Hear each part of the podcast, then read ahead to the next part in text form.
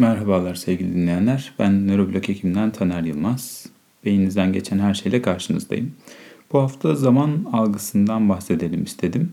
Aslında beyin ve zaman diye bir başlık söylemek isterdim ama çok belirsiz olduğunu siz de fark ediyorsunuzdur.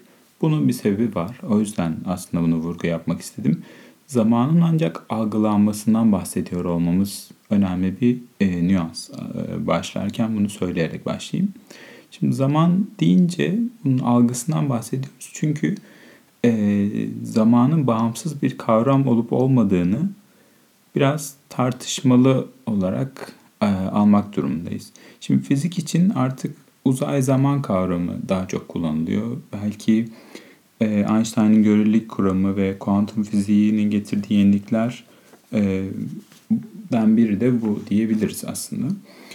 Ee, bizim konumuza dönecek olursak da zaman ister göreli ister dışımızda var olduğunu kabul ettiğimiz bir kavram olsun. İsterse zamanı uzamsal algılarımız gibi tıpkı mekan algımız gibi algıladığımız ve ölçümlediğimiz bir şey olarak kabul edelim. Ee, yine de nasıl algıladığımız ve nasıl ölçtüğümüz, beynimizin zamanı nasıl ölçebildiğine dair bir problemden bahsediyoruz. Konumuz biraz bu. Ee, şimdi nasıl ölçüyor olabilir beynimiz? Öncelikle içsel bir saatimiz olabilir. Yani tıpkı bir saat gibi e, zamana ilişkin bir kayıt olabilir içsel olarak devam eden. Ya da olayların dışsal ve içsel uyaranların diyebiliriz buna e, bir kronolojik sırayla birbirlerine göre nasıl sıralandıklarını kaydediyor olabilir. Her ikisi için de çeşitli teoriler var. Ama bir şekilde ölçüyorsa da ister zamanı ölçsün ister olayların süresini ölçsün. Bunu nasıl ölçüyor? Bu da ayrı bir soru.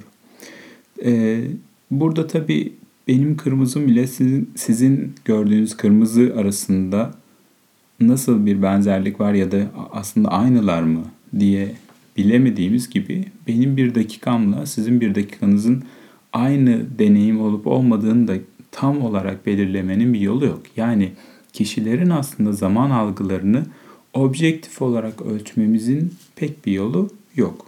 Bu da ayrı bir problem. E, zamanın doğrudan hissedilebildiğini öne süren çalışmalar var. Bunun yanı sıra e, bir yani başka bir şekilde hissedilmez ama olayların birbirine göreliliği kaydedilir diyenler de var. Hissedildiğini öne sürenler de e, aslında olayların veya da durumların e, süresi duration olarak e, alabilirsiniz bunun İngilizcesiyle. Süresinin bu olaya ya da duruma ait bir özellik olarak algılandığını söylüyorlar. Aslında bunu da kanıtlamak oldukça zor. Yani bir olayın süresinin de diğer özellikleri gibi algılandığını, direkt zaman algısının buradan geldiğini ya da gelmediğini tartışmak gerçekten kolay görünmüyor. Bir sürü zorluktan bahsediyorum bir yandan ama e, konu içinde önemli noktalar olduğu için de bunlara değinmek de istiyorum. Başka bir öneri ise bedensel süreç ve duyumların birleştirilmesiyle zaman algısının oluşturulduğu yönde. Ne demek bu? Örneğin kalp atışı, nefes alıp verme temposu yani hızı, ne kadar hızlı nefes alıp verdiğiniz, sindirim sisteminden gelen uyaranlar, ağrı, ısı, diğer emosyonlar. Bu bedensel uyaranların ya da dışsal uyaranların yarattığı e, algılar da olabilir.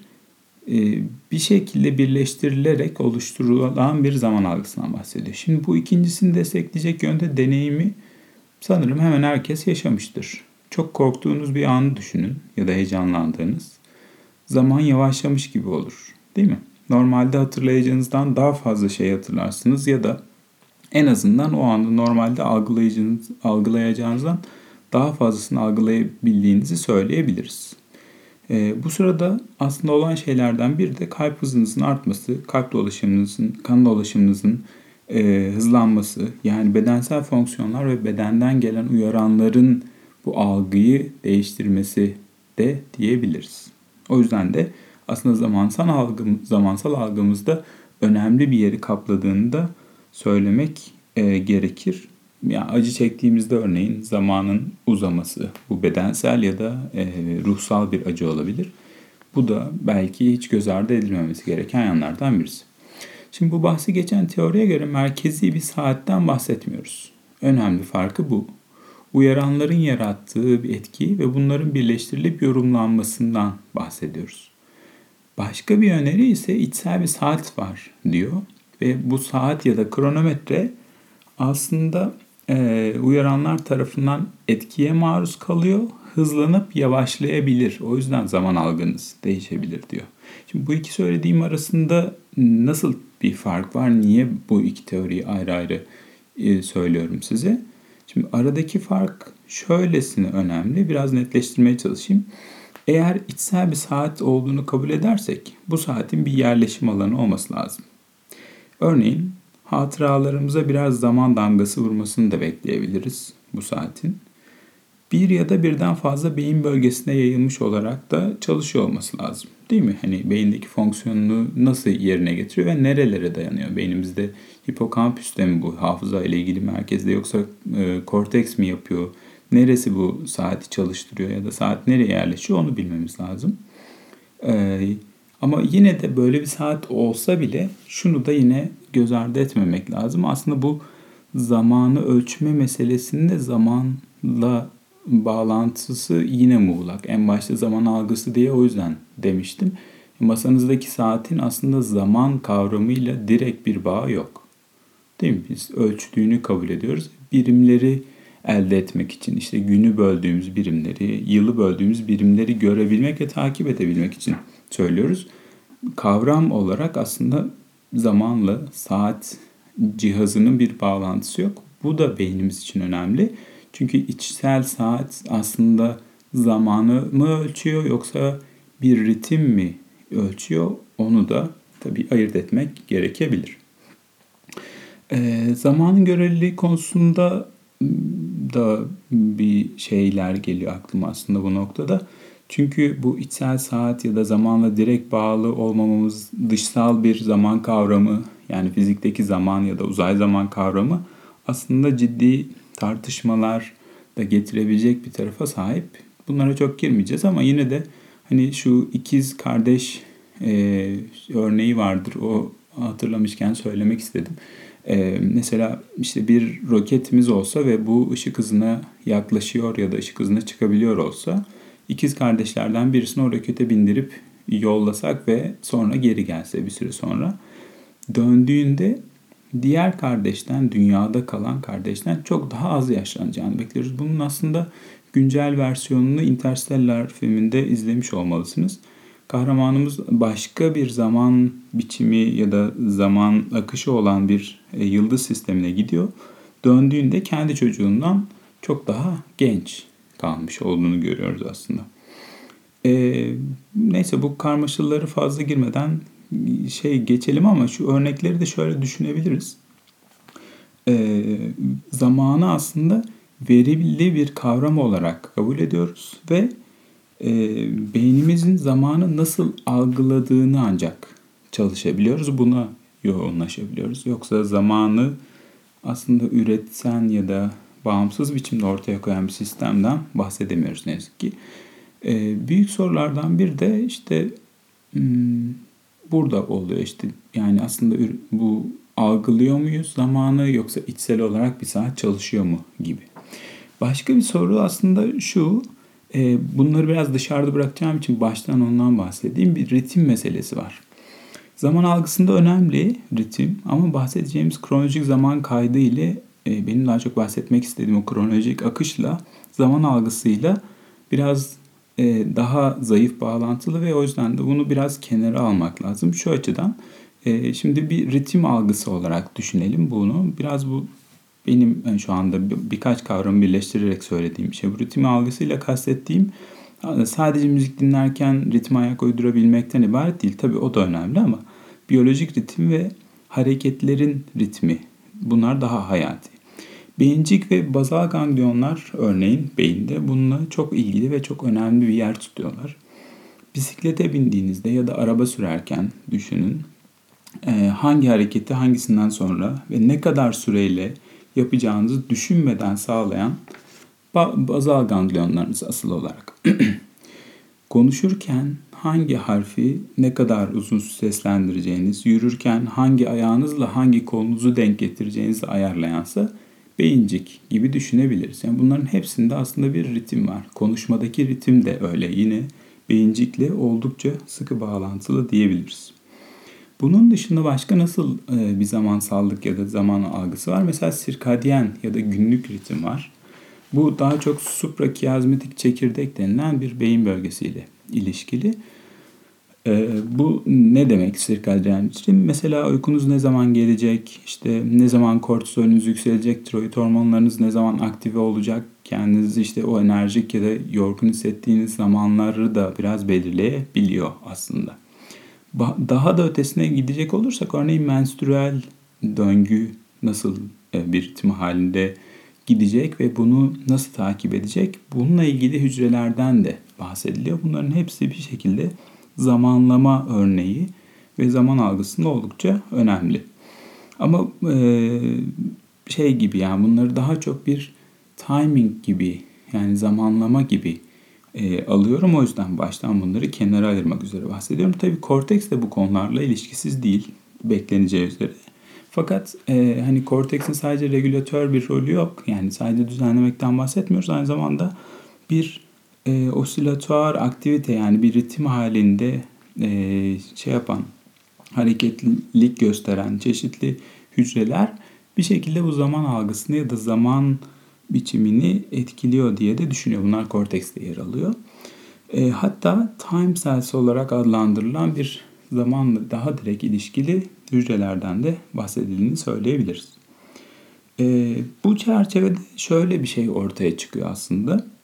Motor görevi yani hareketi iç, içeren bir içsel ya da örtük ve e, ve uyaranın süresini tahmin etmeye yarayan bir zaman algısından bir de dışsal olan yani dışarıdaki e, durumu algılayan bir dışsal ya da açık bir zaman algısından ayrı ayrı bahsedilebileceğini de söylüyorlar çalışmacılar bu ritim algısıyla ilgili olarak. Şimdi bu ritim kısmını bir kenara bırakarak zaman algısıyla devam edelim. Zaman algısıyla kastettiğim şeyi daha netleştireceğim. Şöyle söylemek istiyorum aslında. Bir epizodik belleğimiz var. Buna benlik belleği de denebiliyor. Hafıza kayıtlarımızın kendi kişisel hafızamızın yani bir sıra içinde olmasını sağlayan kişisel yaşantılarımız. Şimdi bu kişisel yaşantıların belli bir zamansal dizge içinde hatırlaması gerçekten çok önemli. Hatta bunun karışması ciddi bir kaotik hissiyat yaratır tahmin edebileceğiniz üzere. E, ve gerçekten de zaman algısı ile ilgili önemli referans noktalarından birisi de bu diyebiliriz. Peki bu ölçme ve zaman algılama kısmına gelecek olursak nasıl ölçüyor olabilir? Bu konuda çeşitli teoriler var. E, bunlardan birkaç tanesinden bahsedeyim kısaca.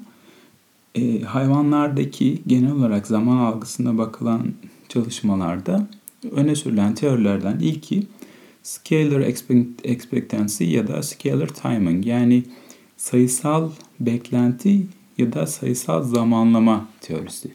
Bu teoriye göre içsel bir çalışma belleğinin yanı sıra e, içsel bir saat, bir çalışma belleği e, ve bir referans belleği bu çalışma belleğindeki verilerin karşılaştırılacağı ve bununla birlikte de bir karar süreçlerine ilişkin beyin bölgeleri bu e, işte nasıl söyledik sayısal zamanlama e, ile ilgili teorinin bileşenleri. Nasıl oluyor? Şöyle bir yapıya sahip bu, bu biçim. İçsel bir ritim, tutucu hayal edin. Bir saatin tik takları gibi uyaranlar yolluyor beynin çeşitli bölgelerine. E, belli bir dış uyaran ya da bedensel uyarıcı bir etki ortaya çıktığında bir düğmeye basıyor. Ve bu uyaran bitene kadar tik takları sayıyor. Sürekli bir ritim var ya o ritmi bir yere kaydediyor. Bu kaydettiği yerde de sonrasında en sonda eğer bir pekiştirici söz konusuysa o zaman diyor ki e, şu kadar süre şu kadar sayıda tik tak kaydettim ve bu şu kadar süreye tekabül ediyor. Yani aslında bir yandan bir tik tak cinsinden o yolladığı ritim cinsinden bir zaman algısı oluşturuyor. Ve sonrasında da aslında bunu yaparken sürekli çalışma belleğine aktif biçimde bu zamanlamayı yolluyor. Ve sonrasında da e, tekrar ederse eğer bu davranış bir pekiştiriciyle gelmiş olan bu davranış sonunda e, tekrar olduğunda bir referans hafıza olarak kaydettiği bu verileri yeniden çağırıyor. Yani bu aslında bir şekilde zamanlamayı öğrenmekle ilgili bir teori diyebiliriz. Burada önemli nokta şu, içsel bir saatten bahsettik. Bunun yanı sıra başka zaman algısına dair teoriler de var. Ee, bunlardan bir tanesi de davranışsal zamanlama teorisi.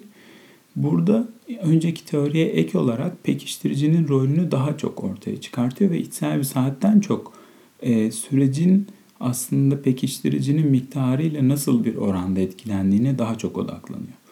Davranışsal model, davranışsal zamanlama dedik ya, e, davranışsal biçimle ve pekiştiricinin gücüyle zamanlama algısı arasındaki e, bağlantıya dikkat çekiyor. Aslında hem bu modelle hem de bir sonraki bahsedeceğim zaman ya da zamanlamayı öğrenme teorisinde ise e, üç element ön plana çıkıyor. Bunlar bu içsel saatten farklı şeyler. Ne var burada? Bir dizi mental state denilen işte durum. Bunlara durum diyeceğim ben.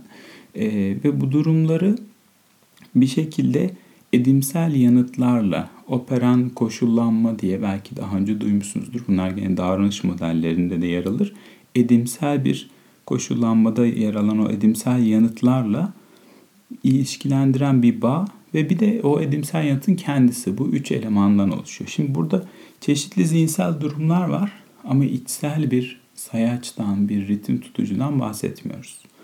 Bunun önemi bu içsel sayacın olmayışının getirdiği bir şekilde zihindeki zaman algısının durumlar arasındaki geçişle ölçüldüğünü söylemesi. Bunu biraz daha netleştirmek için şöyle söyleyeyim. Bir önceki modelde diyordu ki içsel bir ritim tutucu var ve o tiktakları sayıp bir kenara kaydederiz. Bu modellerde ise şöyle diyor. Beynin çeşitli durumları ya da zihnin çeşitli durumları arasındaki geçişler fark edilir ve bunlar arasındaki geçiş kaydedilir. Yani öyle bir ritim tutucudan bahsetmiyoruz. Aslında bunu düşününce hiç de fena durmayan bir tarafı var. Aklıma gelen örnek e, bu Nuri Bilge Ceylan filmindeki filmlerindeki bozkır sıkıntısı hissiyatı ya da e, bir de pozitif örnek olarak söyleyebileceğimiz belki emeklilik hayatında işte yavaş şehir, e, Seferihisar'a yerleşme e, durumları içinde benzer bir etkiden bahsedebiliriz. Şunu kastediyorum. Zihin durumları arasında ne kadar az değişiklik olursa zaman o kadar yavaş akıyor gibi hissedebiliriz. Sanırım bu da deneyimlediğiniz bir şeydir. Ee, tabii bu saydıklarımdan başkaca zaman algısı teorilerinden de e, bahsedilebilir. Ve yani bu teorilere baktığımızda da herhangi bir tanesi diğerlerinden çok açık ara önde görünmüyor.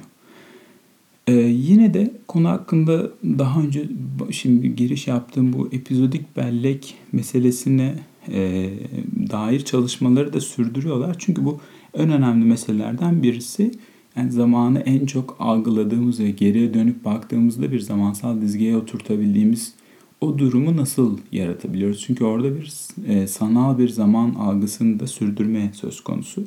Örneğin insanlara bu çalışmalar çerçevesinde şöyle bir şey demişler. Kendinizi Lilliputianlar gibi hayal edin ve e, şimdi size bu göstereceğimiz daha önce tanıdık olan kendilerine bir alanda çeşitli e, ödevler var, vereceğiz. Onları yapın gibi.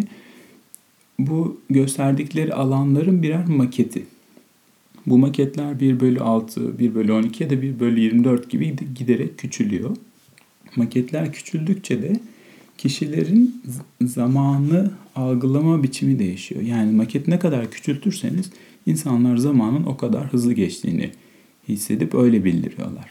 Buradan aslında buradan hareketle zamanla mekan algısı arasındaki bağlantıya biraz değinebiliriz. Çünkü bunlar oldukça e, sıkı bağlı taraflar taşıyor. Bir kere hareket olmaksızın yani mekansal algı olmaksızın zamanı hayal etmenin ne kadar güç olduğunu söyleyerek başlayabilirim. Örneğin bankada sıra bekliyorsunuz. Şöyle oturduğunuz yerde elinizde telefonunuz, akıllı telefona bakıyorsunuz ama sıkıcı ve pek yapacak bir şey bulamıyorsunuz. Etrafta da hemen hemen hiç hareket ya da ses yok. Ne kadar süre geçtiğini kestirmek gerçekten oldukça zor olurdu herhalde. Şimdi uzamsal algımız o yüzden de e, mesela gün ışığını algılamak da öyle, işte etraftaki hareketleri algılamak da öyle. Ne kadar zaman geçtiğini bize e, bir referans olarak söyleyen çok önemli noktalardan birisi.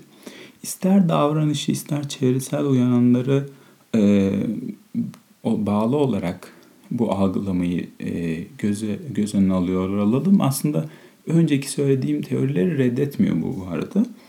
E, mekan algımız peki nasıl ilişkileniyor? Bunlar birbirine bağlı merkezlerden mi şekilleniyor? Onu, onu değinecek olursak aslında evet özellikle görsel uyaranlar olmak üzere gelen bütün uyaranların işte mekansal algı içinde nerede olduğu, nasıl yerleştiği ve hani ne olduğuna dair bir değerlendirme parietal lobda gerçekleşiyor ve burası aslında hafızanın da çok sıkı bağlantılı olduğu e, hafızanın merkezi diyebileceğimiz hipokampüsle birlikte çalışıyor. Bu ikisi birlikte şöyle çalışıyorlar aslında. Bir hareketin ritmine, hızına, e, nereden nereye ne kadar bir hareket oldu. Parietal lob bunu algılıyor. Hipokampüsle bunu bir belki de referans hafızayla karşılaştırıp bir şekilde etraftaki hareketlerin zamanını ölçme şansı da tanıyor. Ve bunların ikisi aslında bir araya geldiklerinde yani parietal lob ile, lob ile bu genellikle hareketlerin şekillenmesinde ve e, işte algıladığımız duyuların değerlendirilmesinde çok önemli yere sahip. Hipokampüs yani hafıza ile ilgili merkez bunlar bir araya geldiklerinde bir çeşit sekans yani ardışıklık jeneratörü gibi çalışıyorlar. Beynin bütün işlevlerinde bir e, ardışıklık, bir işte sıralı hareket ile, ilişkili meselelere hep bunlar bir jeneratör gibi katkıda bulunuyor diyebiliriz. Ee, böylece aslında buradan çıkarılan o sıralılık halinin hipokampüste belleğimiz kaydedilirken yani epizodik bellek oluşturulurken bir zamanlama, bir kronolojik sıra yaratmak için kullanıldığında söylemek mümkün.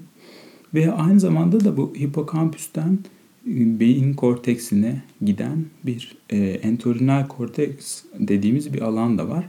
Orası da gerçekten çok sıkı biçimde bağlı bu işlevlerle ve hipokampüs entorhinal korteks kompleksi deniyor aslında buraya. Şimdi burayla ilgili yapılan bir yayından söz edeyim son olarak. Zaten çok hızlı ve çok fazla konuştum. Burada bitireceğim. Bu yayında şöyle bir şeye bakmışlar.